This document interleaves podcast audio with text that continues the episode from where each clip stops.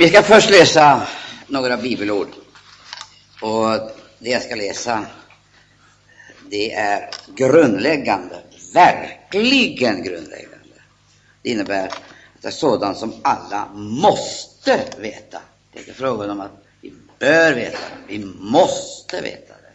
Vi känner till, så fort vi har fått någon kontakt med Guds eget ord, så ser vi hur Gud talar till sitt folk, genom sitt folk, just genom elden. Det är en alldeles speciell uppenbarelse. Den kommer igen rakt genom hela den heliga historien. Och vi ser också hur hans budbärare, hans profeter, har fått förmedla hans budskap och detta har alltså manifesterats på olika sätt, men oftast genom eld. Och det är ganska märkligt att lyssna till tonen i det här budskapet, därför att det förstår vi ju att elden, den öppnar ju inte speciellt för diskussioner och resonemang. Det gör den inte. Elden har två tydliga och klara eh, kännetecken då vi läser om det i den heliga skriften. För det första så är den ett alldeles bestämt uttryck för Guds välbehag. Det är Guds välbehag, och då framkallar den jubel. Men samma Guds eld som också uttrycker hans kärlek, den manifesterar sig och framkallar total tystnad. Och då vi börjar läsa skriften så kommer det nu och då helt kategoriska påståenden.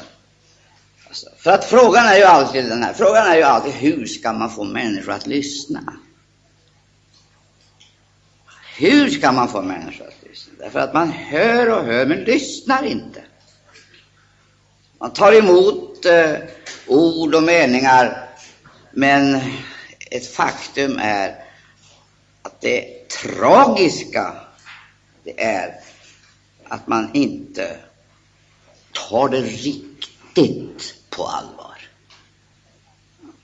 Jag har träffat Herrens vittnen under hela mitt liv och jag måste säga, det finns vittnen som man ogärna lyssnar på. Därför att man, man funderar om de verkligen menar allvar. Jag vill inte säga att det är ett dåligt skämt, men jag vill säga det är en, det är en form, alltså en slags verksamhetsform eller en eh, funktionärsstil. Och det är därför att det är så oändligt viktigt och betydelsefullt att vi får se vad Bibeln säger. Och nu ska vi läsa några bibelord och då konstaterar vi ju ganska snart att himmelens Gud är väldigt mån om att visa sig, alltså att uppenbara sig. Ni förstår, all denna dödande och avtrubbande mötesverksamheten, den är direkt skadlig för vår livsande. Vi blir, vi blir så oerhört lätt förstelnade och faller ned på det vi kallar för religiösa jargongen, rutinen. Och då kommer det här vidriga bytet. Man börjar ersätta det som är äkta och sant med det som är eh, då imiterat. Därför måste vi be till Gud att förstå nödvändigheten av att ta det på allvar. Och hur ska vi kunna lära oss denna hemlighet? Vet du vad Jesus sa? Jo, han talade om nödvändigheten av att bli döpt i vatten, icke sant? Och det är väl ingen som har någon anledning att ifrågasätta det. Det är självklart egentligen, när vi tänker på sammanhanget. Helt självklart. Men denne Jesus som talar om dopets nödvändighet och som lärde oss på ett mycket tidigt stadium att dop, det är alltså inte att bli berörd av vattendroppar, utan det är att sänkas ner och omslutas av. På samma sätt så undervisar han om nödvändigheten av att bli döpt i eld, i den helige Ande, alltså. Döpt med eld. Det är alltså inte bara att bli berörd, utan det är helt att sänkas ner och bli omsluten av och uppfylld utav denna gudomliga eld.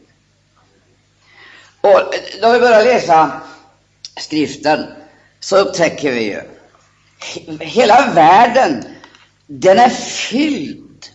Den är faktiskt fylld med olika typer som nästan ligger på lur och väntar på att få överta, ersätta denna gudomliga eld med någonting annat.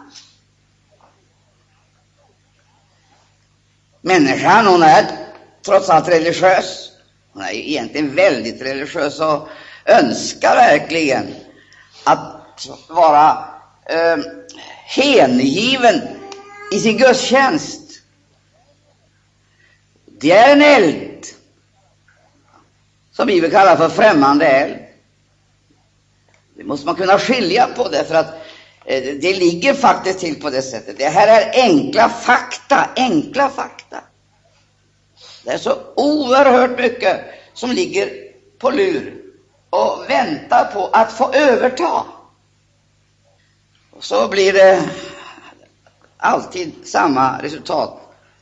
Det som var avsett att rena, befria och leda till liv, det får motsatta effekter. Om vi läser nu redan i Gamla testamentet så ser vi hur Gud är angelägen om att skilja ut det som är gudomligt från det som är naturligt och mänskligt. Skilja på det. Vi vill blanda ihop, men Gud skiljer det. Ljus och mörker, dag och natt och så vidare. Och vi upptäcker att det har liksom varit fiendens stora eh, fiendens stora eh, och hemliga vapen, detta att blanda. Och det är därför vi ser i vår tid så fruktansvärt mycket som är uppblandat. Men låt oss nu först läsa eh, i, i, i Moseboken. Därför att det är helt klart att Gud, Gud förstår, och vi förstår också, och vi tänker efter, att om detta ska besegra alla dessa tendenser, ja, som vi nu nöjer oss med att konstatera som främmande är, som engagerar oss, får oss att handla många gånger och oftast emot Guds egen vilja, som ligger där och lurpassar. Den kan vi inte klara av att besegra genom att sjunga eller genom att tala utan det måste till någonting helt annat. I, i, I skriften, där ser vi hur Gud gång på gång, gång på gång tänder en riktig moteld. Det finns liksom inga inomvärldsliga krafter som rår på allt detta som frestar och bedrar människan. Vi slår upp Tredje Mosebok. Så läser vi där ett par versar i Tredje Mosebok. Där det, där det står så här eh, flera gånger. Och i sistleden söndag så poängterade jag nödvändigheten av att elden icke får slockna. Och då talade jag också om förberedelserna, dessa oerhörda minutiöst noggranna förberedelser som skulle göras innan elden föll. Elden var liksom den sista delen i en underbar försoningsakt. Den sista. Förberedelserna var väldigt viktiga. Och det kan ju bli en missuppfattning. Så att när man talar på det sätt som jag gjorde i söndags så kan det kanske uppfattas som en uppmaning, en appell att sätta igång någonting, att göra någonting. Då det talar exempelvis om prästerna, de skulle vara avskilda, uttagna, avskilda, och smorda. De skulle vara klädda på ett speciellt sätt. Så måste vi göra klart för oss att denna utväljelse och kallelse, det är ju av nåd hela vägen. Det är Guds nåd. Så även om det finns krav, enorma krav, så förväntar sig inte Gud att vi ska kunna fixa det här med våra egna mänskliga resurser.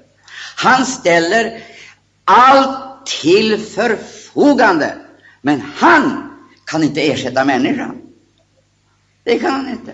Han kan definitivt inte ersätta människan. Därför skulle man kunna säga att Gud i sin väldiga nåd har sänkt sig ned på det plan där han har gjort sig beroende av medarbetare. Jag vill verkligen betona att det det handlar om, det är alltså inte utbildning eller bildning. Det här är en hjärteangelägenhet och kan endast ske om vi grips av denna, jag, jag vill inte kalla det inspiration, för det räcker inte, men jag vill säga denna heliga eld i våra liv, så vi förstår att det här är inte mänskliga krav, utan det är vad Gud vill se förverkligat. Och så har han vidtagit alla åtgärder för att människan som tas ut kallas, jag skulle nästan vilja säga ett handplockat folk, att detta folk, det utrustas för denna heliga uppgift. Det är alltså ingen religiös hemslöjd. Det är inte. Kläderna, det ordnar Gud med. Det är ingenting som man trocklar ihop själv, utan det är någonting som Gud ordnar med. Vår uppgift det är bara att ikläda oss, ikläda oss och sedan gå in i gemenskapen med honom, vilket är grundförutsättningen, men sen också som en naturlig följd därutav i tjänsten för honom. Och denna tjänst, förstår du, den är oerhört betydelsefull. Jag skulle, jag skulle faktiskt vilja påstå, det är det betydelsefullaste i varje tid. Det är det betydelsefullaste. Och därför är det synnerligen angeläget att det blir klart för varje broder och syster, att det blir klart för församlingen, att Gud har tagit ut ett heligt prästerskap, ett konungsligt prästerskap. Och han har utrustat det med den helighet och rättfärdighet som Bibeln, eh, som Bibeln pekar på. Den talar om det eh, det, det, de rättfärdigas heliga rättfärdighet genom linnet. Han har också gjort det möjligt för oss att tjäna, jag vill säga det, på den här nivån, så vi inte faller ned på den där mänskliga nivån och fullgör en tjänst som egentligen blir en avgudatjänst, utan får leva på det höga planet, där det står klart för oss att Gud han är den har sagt sig att vara, och detta måste uppenbaras genom oss, så inte vi förfuskar bilden, Gudsbilden, utan tydliggör den för varje människa. Det vill säga att vi genom våra liv, genom vår förkunnelse, skapar ett djupt, riktigt djupt behov efter att likbildas med hans son Jesus Kristus. I tredje Mosebok där möter vi alltså den här oerhörda invigningen som var nödvändig. Detta iklädande och sedan alla de här detaljerna. Du, jag ska säga det, min älskade vän, det finns de som år efter år går till gudstjänster och möten utan att på något sätt förändras. De förändras inte. De är inte heller angelägna om det. De sörjer inte över det, därför att de har inte, de har inte den hågen, det behovet och den längtan. När man har fått den här hågen, då upplever man föredrag och predikningar som tjat på tjat och gnat på gnat. En här och en där och lite här och lite där. Det leder inte fram till någonting annat än tråkningar. Men du förstår, när Gud kallar på oss, då vill han någonting. Han vill någonting med var och en särskilt. När han har kallat oss hit idag, så har han kallat oss hit därför att han har ett angeläget budskap till oss. Tror du det, så säger jag amen. Tänk att Gud vill tala, beröra, rena, förnya upprätta och utrusta. Det var mycket det, men allt gör Gud. När vi läser om de här prästerna så kan vi ju konstatera att det var väldigt bristfälliga människor som erbjöds ett gudomligt skydd för att kunna klara av tjänstens många påfrestningar. De erbjöds ett gudomligt skydd, men det visar sig inte ens det räckte till. Det blev så självklart detta att de som hade tagit ut, de som hade utrustats, de som tjänstgjorde vid altaret, de som bar fram elden, det var så självklart att detta skulle fungera. Eh, det skulle fungera utan några eh, komplikationer. Där det står så här, lyssna på det här ordet, det är Gud som talar till och genom Mose.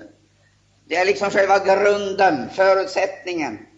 Oj, oj, oj, oj, vad viktigt det är att vi lyssnar.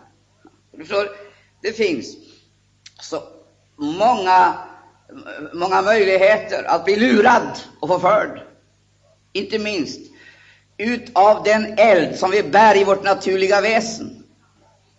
Det kan vara det ena eller det andra, inte minst begärelsernas eld, eller annat som vi bär i vårt väsen. Det kan vara högmodet. Det kan vara andra ting eh, som eh, finns i vårt väsen. Jag vill inte slå ner någons mod, verkligen inte. Men jag tänker på det faktum att varenda en som sitter här har ju talanger och gåvor. Den ena på det ena området och den andra på det andra området. Vi skulle kunna bli någonting. Vi har ambitioner, vi har intentioner och vi har kvalifikationer som kan göra oss till någonting i denna världen. Det är ju självklart en frestelse att när man blir medveten om sina gåvor och talanger, att man frestas att exponera det på ett sådant sätt att gåvorna, talangerna, blir den naturliga eld som får ersätta den gudomliga. Det är inte ovanligt. Det är vanligt hos predikanter, det är vanligt hos sångare. Ja, det är vanligt hos alla människor. Det finns någonting hos oss som vi äger och har, eh, som vi kan exponera. Och vi kan på det här sättet bli uppmärksammade och kanske också skaffa oss eh, något som vi njuter av, som vi vill betona, oh, oavfarligt det egentligen är. Eh, det är därför att det är så oändligt betydelsefullt att vårt liv bli prövat. På sist och slutligen så skall det i alla fall prövas i eld. Och det skall ju visa sig då om det är förgängliga ting som har inspirerat och drivit oss, eller om det är något gudomligt. Det vill säga, Äktheten ska sist och slutligen prövas. Och hur ska det prövas? Skriften säger det ska prövas i eld. I Tredje Mosebok, som jag redan citerat några gånger, där heter det så här, elden på altaret ska hållas brinnande. Så står det. Den ska hållas. Det står inte bör hållas. Det är vissa saker som man bör göra. Men det finns också saker som man måste göra. Det, det finns ett, ett absolut måste, där det inte finns några marginaler för, jag skulle nästan vilja säga, eh, personliga utlevelser eller, eh, eller beteenden. Det finns faktiskt sådana områden där det är uteslutet med religiösa experiment, för det leder alltid till samma katastrof. Du vet, jag vet, att då Israels folk lämnade Egypten så leddes de ut i havet. Det innebar i realiteten att de stod i en, i, eh, en passage, berg på höger sida, berg på vänster sida och havet framför. De var helt enkelt instängda, ty de hade egyptierna efter sig. Och hur skulle de komma ut ur den situationen? Det förstår du, att det finns många idéer idésprutor som eh, hade olika förslag. Främmande eld. Du kan tänka dig vad man räknade ut, tänkte ut och försökte realisera. Förhandlingar, samtal. Eller något försök att hitta en kompromiss. Där har du återigen det som i knepiga situationer lyser fram vårt sätt att diskutera, resonera och planera istället för att ropa på Gud. Frågan är ju den, är det Gud som har lett oss hit? Är det Gud som har fört oss in i, detta, i denna fälla? Då har han en öppning.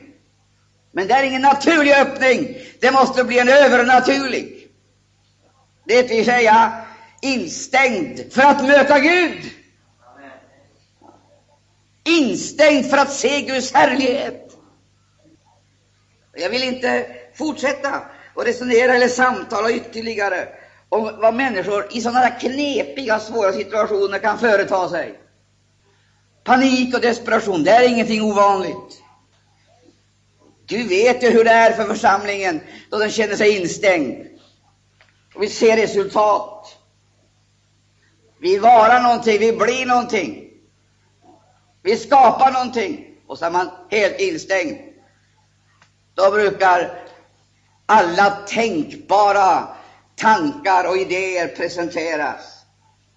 Nu och då så följer man dessa mänskliga tankar som då blir inomvärldsliga försök att ta sig ut ur en situation där Gud vill förhärliga sig.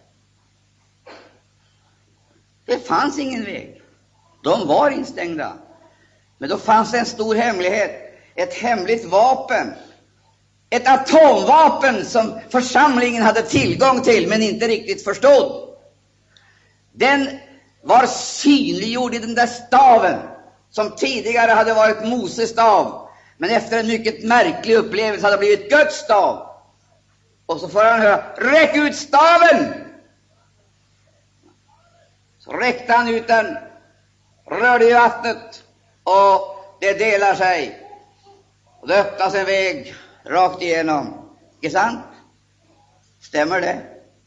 Det var inget experiment, ett religiöst experiment. Det var en troshandling som följdes av en trosmarsch.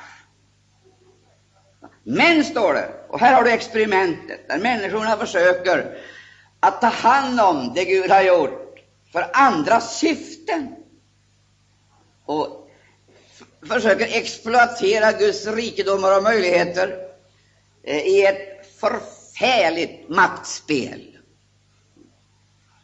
Det heter att när egyptierna, som kom farande med sin väldiga krigsmaskin eh, för att hämnas eller hejda eh, detta enkla, fattiga, jag skulle säga på, på försvarsvapen fattiga, ja faktiskt utblottade folk. När de försökte, vad hände? Titta på krigsmaskinen, hur den, eh, hur den eh, bryter samman. Och förföljarna, eh, de går under. Det som var liv för Guds folk, det betyder död för Guds folks förföljare. Och frågan är den, kan vi på samma sätt lita på Gud idag? Finns det en stav, det vill säga finns det en levande och fungerande tro som också kan öppna tillslutna stängda vägar. Gör det! Räcker Gud till för alla våra behov, så säger jag amen. Där ligger själva hemligheten, förstår du.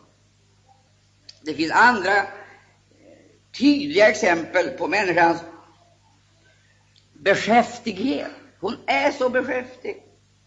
Vi möter det rakt genom hela Bibeln, ända till slutet. Nu är det olustigt att konfronteras med detta. En beskäftig profet som åstundade spådomslön. Och det finns andra exempel på samma sak. Går du rakt in i Nya testamentet så möter du det. Du behöver inte ta ut Judas som ett avskräckande exempel. Vad är det som är orsaken till allt det där som vi ser sker, som egentligen, som egentligen är helt, ja, det är oförklarligt. Fromma människor och till synes stabila, pålitliga människor, de vacklar inför motståndaren. Människor som vittnar om härlig och underbar frälsning kan i en krissituation, man kan peka på ting som händer som inte alla gånger så att säga, är så lätt att, eh, lätt att beskriva, därför att det ligger mera i själva atmosfären än i någon särskild speciell situation eller händelse. Det finns någonting i atmosfären, att man börjar fundera på kanske vi måste gå en annan väg, kanske vi måste söka oss tillbaka, retirera, kompromissa. Och så kompromissar man sig fram och så retirerar man med det resultatet att man så småningom förlorar inte bara frimodigheten, utan man förlorar sin förstfödslorätt. Vi möter det, vi möter det, vi möter det. Vad ska man säga till detta folk? Vad ska man säga till sådana människor? Det finns massor av dem idag. Sysslar med just sådana här resonemang och tankar. Det ligger i tiden. Det är en slags innefromhet. Det kallas för att vara tolerant och vidsynt och inte så radikal och hänsynslös. Det ligger i tiden. Du, får jag säga på dig, min älskade vän, ska vi säga åt sådana människor att Gud är kärlek? Löser det några problem? Visst inte. Visst inte. Problemet är, att problemet är av en helt annan karaktär. Kan inte lösas på det sättet. Vad ska man säga åt sådana människor? Man ska visa på vad Gud är dessutom. Nu upprepar jag en sak som jag sagt väldigt många gånger, och du också. Vi säger varenda Gud är kärleksämne, så säger jag amen. Vi kan upprepa det i all oändlighet utan att någon protesterar. Ingen protesterar. Jag skulle nästan vilja säga att det finns ingen som överhuvudtaget har några invändningar emot ett sådant påstående. Det är en proklamation som står sig.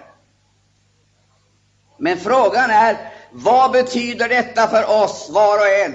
Betyder denna kärlek att Gud ändrar på sig? Så att det han sa igår inte är sant idag? Så det han eh, proklamerade tidigare, det har förändrats.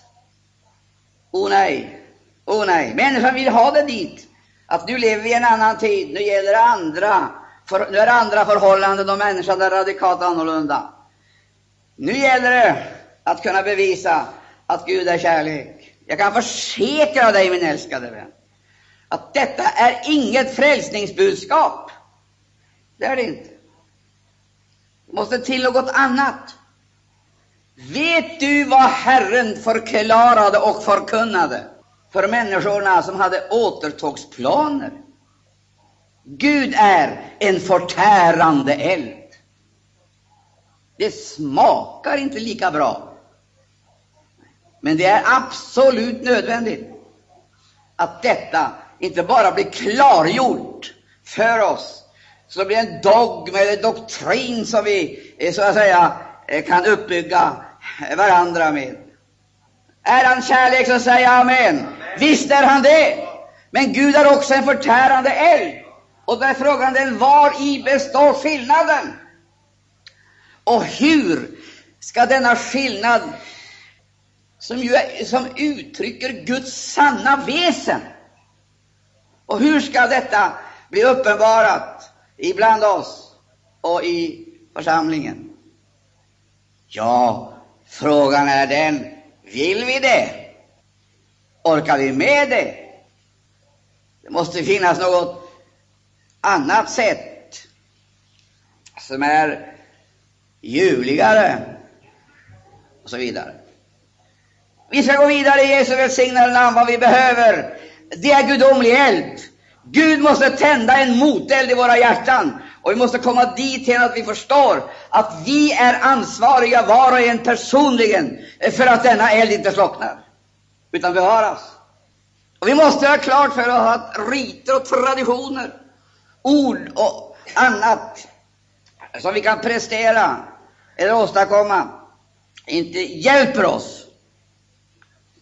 utan fördjupar problemet, distanserar oss ifrån ursprunget och gör oss allt mer oåtkomliga för Gud.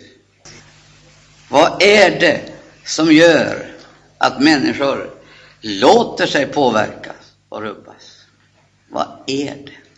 Om jag kunde hitta själva, hitta själva koden, skulle jag vilja säga, för, för dessa märkliga frontförändringar och personsförändringar i Guds rike. Men det har visat att det går inte. Det finns inga möjligheter. Då Israels folk hade kommit ut i öknen, så dukade Herren där ett bord. Himmelsmanna. Icke sant? Men i hans generösa och underbara närvaro fanns det förbehåll. För enkla och självklara för tron. Och ändå, trots sin enkelhet, så svåra att respektera. Gud sa, ni får samla ihop för varje dags behov, men inte mera. Ni får inte hamstra, magasinera för nästa dags behov eller någonting. Det vill säga, ni får inte använda detta för att skaffa er någon falsk garanti eller trygghet för morgondagen. Så talar tron. Vad säger tron? Idag hjälper Herren. Stämmer det? Det är tron som talar så. Men det räcker inte med att säga det. Det måste också bevisas att detta är en sanning. Det vill säga, det måste bli en eld i vårt väsen att göra det Gud vill vi ska göra och göra det på ett sådant sätt som han har sagt att det ska göras. Det är gudomlig. Underordna sig, respektera, högakta, värdera och i varje läge, Gud hjälp oss förkroppsliga den sanning som han har givit oss. Den sanning som förutom det att han ger oss vad vi behöver också markerar att vi är ett unikt folk. Eller för att använda oss av Paulus märkliga ord, han talar om församlingen, den levande Gudens församling, som är sanningens grundfäste och stödjepelare. Är den det? Amen. Men då kan man ju inte fuska, släppa in lögnen, imitera. Vad gjorde man? Det visar sig att man inte kunde underordna sig detta enkla bud, utan man samlade in lagrade, hamstrade, vilket ledde till att Guds välsignelse blev en förbannelse. Så gick det mask i det som hade samlats in. Och istället för friskhet och härlighet så ser vi förruttnelseprocessen. Den börjar och utvecklas. Vad var det för någonting? Främmande eld!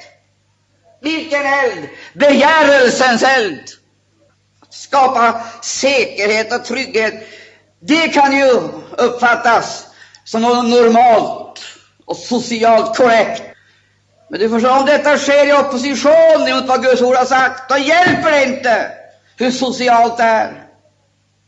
Då kommer vi in i en sån där, ett motsatsförhållande till det ursprungliga, det som Gud har sagt. Och så kommer resultatet så småningom att visa sig. Jag skyndar mig vidare.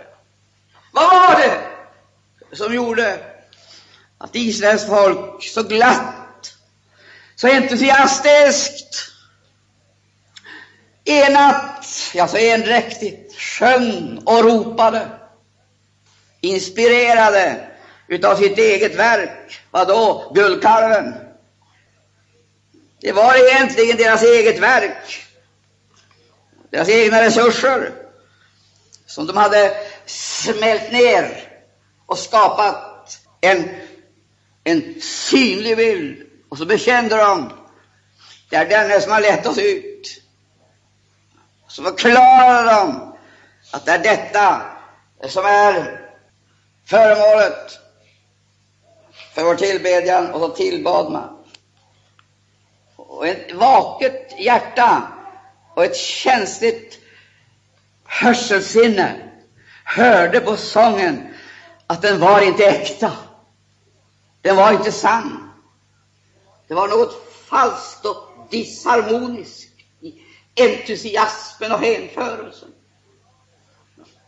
som gav det känsliga örat klart vittnesbörd om det är främmande eld. Vi ska komma ihåg att lovsången i Bibeln den har en enorm betydelse. Icke sant? Men den är oerhört typisk. Så typisk att ett känsligt öra hör vad det är som inspirerar. Jag ska komma tillbaka till det. Men låt mig redan nu få säga det är ju detta som är det stora problemet. Dansen kring guldkalven. Vem är det som hade skapat denna guldkalv? Det var Guds eget folk. Hur hade de fått den idén? Hur hade de kunnat komma fram till någonting sådant?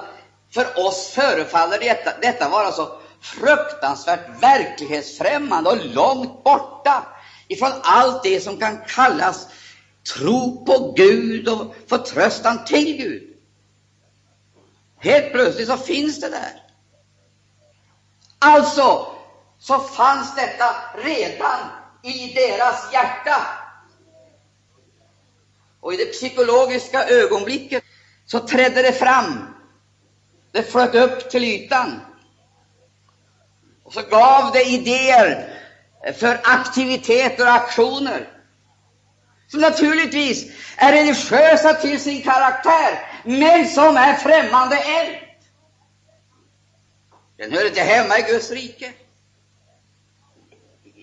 Det känns så tungt att behöva säga det här. Jag måste säga det känns så fruktansvärt tungt att behöva säga det här.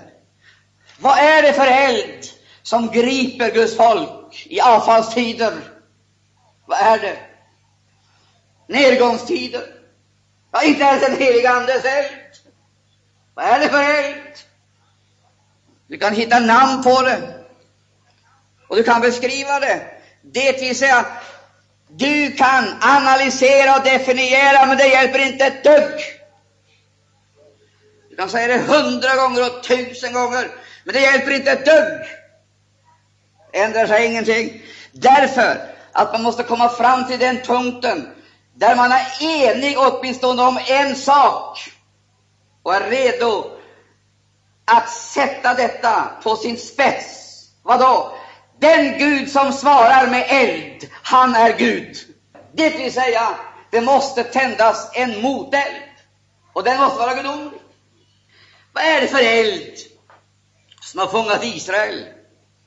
Hur kunde Isabel åstadkomma ett sånt förödande, totalt förintande inflytande på Israels folk?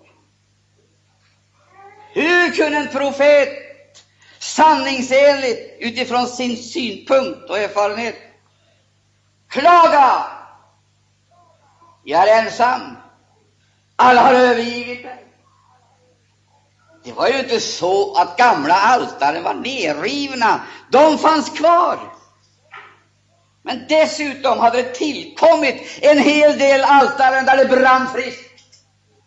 Dit offrades till och med människoliv.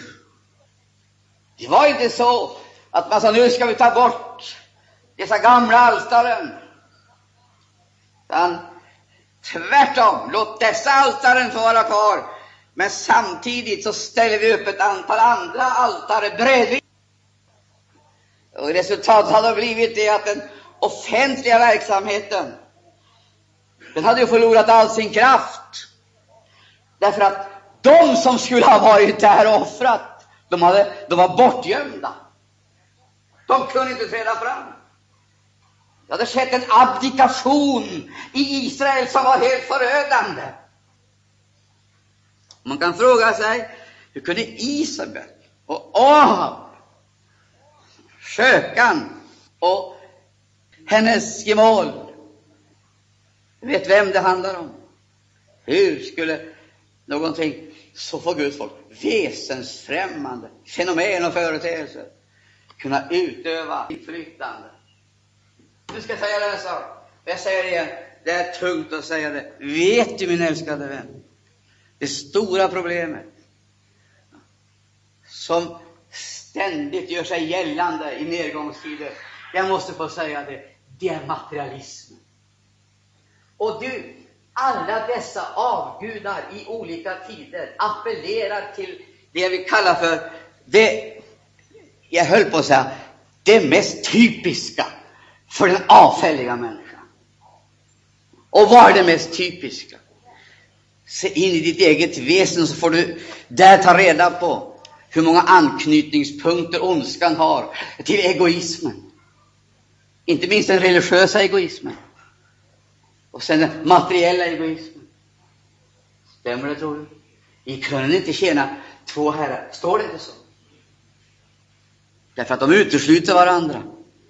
Så säger Jesus, vi kunde inte tjäna två herrar.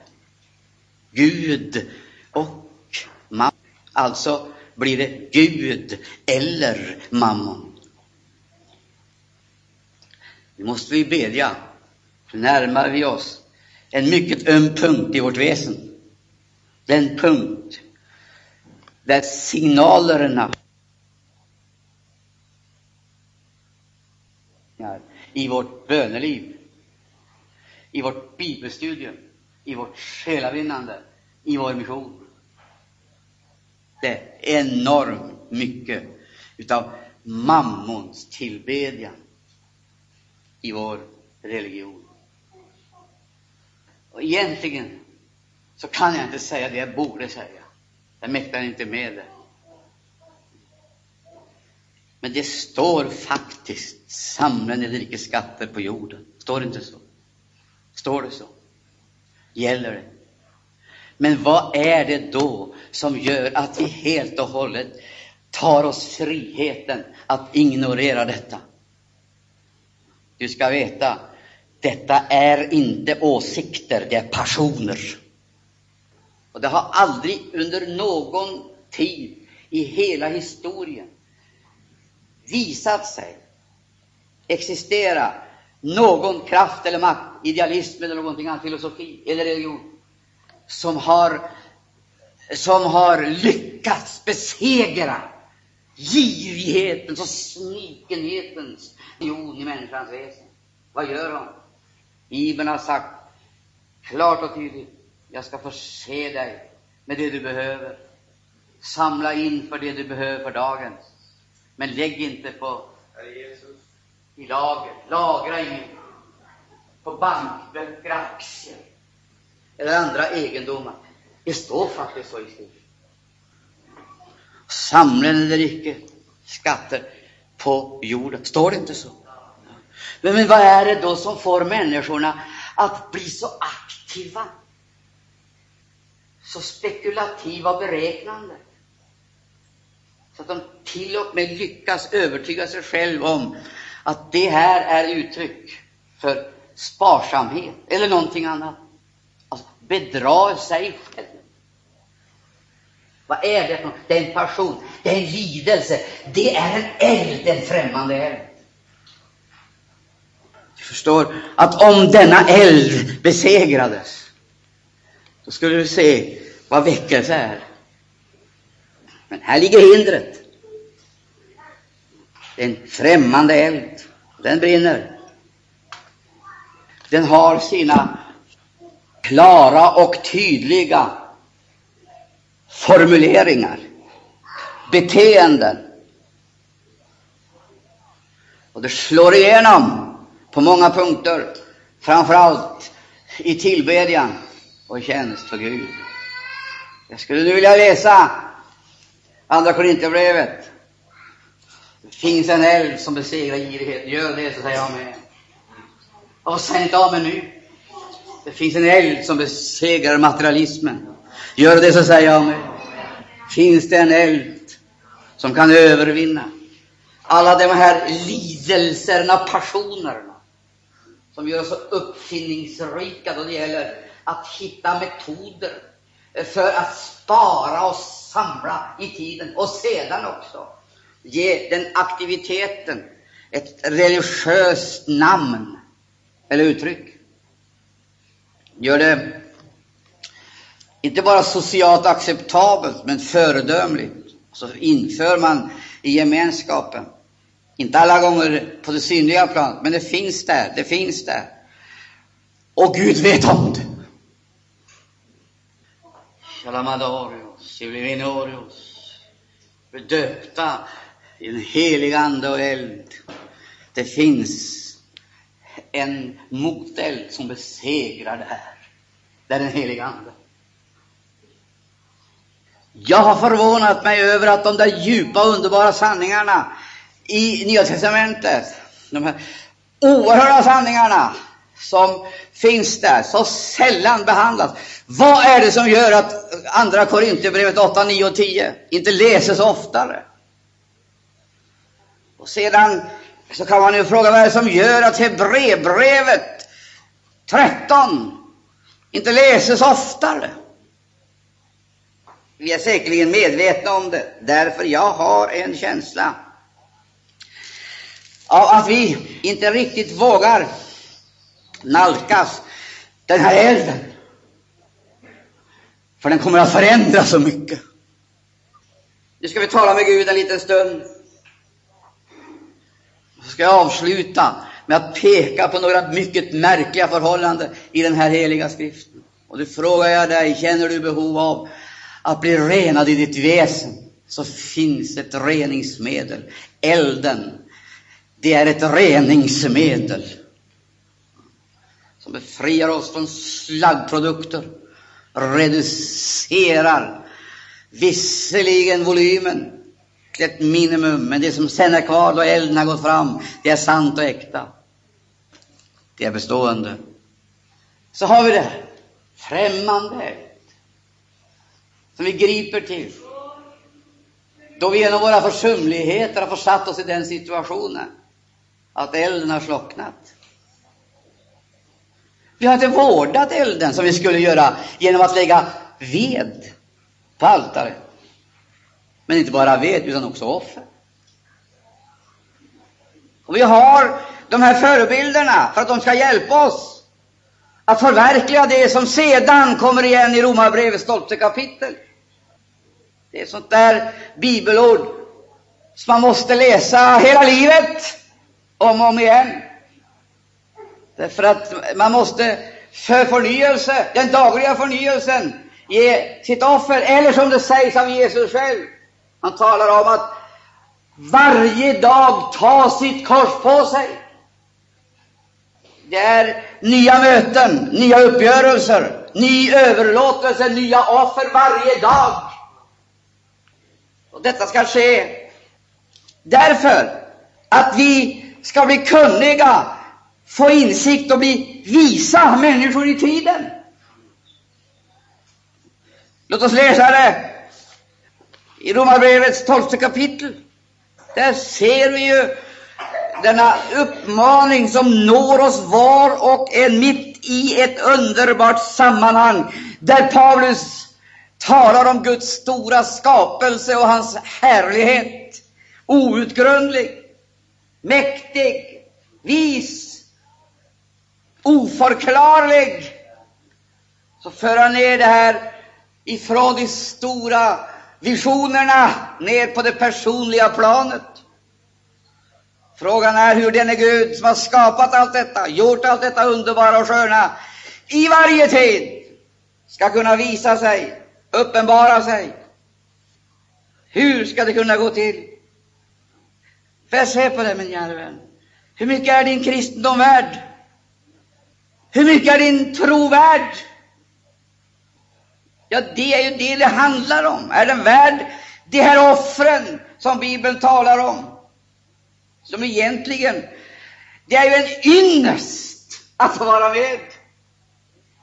Guds vilja och avsikt det är ju inte att berövas någonting, det är ju fast med att förnya oss. Guds avsikt, det är inte att sänka oss ner i depression och förtvivlan. Guds avsikt är att upprätta oss. Att upprätta oss i sin ande. Guds avsikt, det är inte att diskvalificera församlingen, men att skickliggöra var en. Så att vi kan tjäna honom i sann frimodighet. Älskade vänner, stämmer detta så säger jag amen. Här har du hela hemligheten. Det är en nyckelvers till oss. Romarbrevet 12, där det sägs så klart det här är inte verksamhetsform. Det här är inte gudstjänstprogram. Det här är livet eller döden. I dubbel mening. Självlivets död och Kristuslivets. Eller Kristuslivets död och självlivets förhärligande. Gud har gett dig gåvor. Är du glad för det? Tacka Gud för det. Han har gett dig talanger som är helt underbara. Du är helt enastående i jämförelse med den övriga skapelsen. Men det är inte så att det ger dig rätten på något vis att disponera detta för dina egna syften eller dina egna mål. Nej. Tänk du när våra gåvor blir helgade genom Guds ord. Sångare, musikant, vem du måste vara, talare, om du har andra gåvor. Det blev så levande för mig häromdagen. Tänk vad Jesus älskar sitt folk, så han sänder oss in i församlingen för att tillbedja och lova honom. Men så sänder han oss ut i vår vardag. Och så säger han, nu ska du vara här i köket istället för mig. Nu ska du städa hotellet istället för mig. Och så ska du göra det som om det var jag som gjorde det. Och så ska du lämna den här platsen på det sätt som du tror och förstår jag skulle ha gjort om jag hade utfört arbetet. Det är Kristus liv. Det ger inte rum för fusk, slapphet. Jesus, hur mycket gav du hur mycket avstod du ifrån? Hur långt var du beredd att gå? Eller hur långt och djupt var du beredd att ödmjuka dig? Han blev lydig intill korsets död. Stämmer det? Han ödmjukade Varför? Han var mån och angelägen om att göra Guds vilja. Det fanns en eld i hans väsen att förverkliga Guds mäktiga planer för mänskligheten till frälsning och upprättelse. Och nu ställer jag frågan till dig och mig, hur långt är vi beredda att gå? Är vi, är vi beredda att gå så här långt? Vi läser i Romarbrevet 12. Helt plötsligt så stod han där, Herre, och så ställde han frågan genom profeten, vad har du i ditt hus? Det är deklarationstider, min vän. Deklarera nu. Vad har du i ditt hus som skulle kunna komma i Herrens tjänst, men som är lagrat, undanstoppat? Vad har du i ditt hus? Men Bibeln är noggrann. Det är inte bara frågan om vad du har, utan frågan kommer igen. Vem är det som är i ditt hus? Det vill säga, vad har du sparat för dig själv och vilka umgås du med? Det är inte likgiltigt. För goda seder, dåligt sällskap är fördärv. Du, deklarera nu. Vad har du i ditt hus, i dina gömmor? Ska du bära fram det nu? Vad är det för eld som på det sättet har fått tag i dig? Du har svaret själv. Bristsjukdomen som har uppstått, den har sin förklaring i det jag nu ska läsa. Så här står det. Så förmanar jag nu eder, mina bröder vid Guds barmhärtighet att frambära edra kroppar till ett levande, heligt och Gud välbehagligt offer, i eder andliga tempeltjänst. Du, elden får icke slockna. Vem är ansvarig för det? Det är de, det är de smorda prästerna som har fått denna myndighet och fullmakt. Det är du som är utvald, som måste lägga offer på altaret. Och ved, veden, det är Guds ord. Du förstår, vi säger Gud, sänd din ande. Men anden har inget att brinna i. Vad skulle ha blivit med lärjungarna på pingstdagen om de inte dessförinnan hade varit med Jesus i tre år och hört och hört och hört? Och vad skulle det fortsättningsvis ha blivit om man inte hade praktiserat Jesu missionsbefall, gör en alla folk till lärjungar, lärande dem att hålla allt vad jag har befallt eder. Vill du höra om det? Vill du lära? Är du en lärjunge egentligen? Lärande dem att hålla allt jag har befallt eder. Står det så?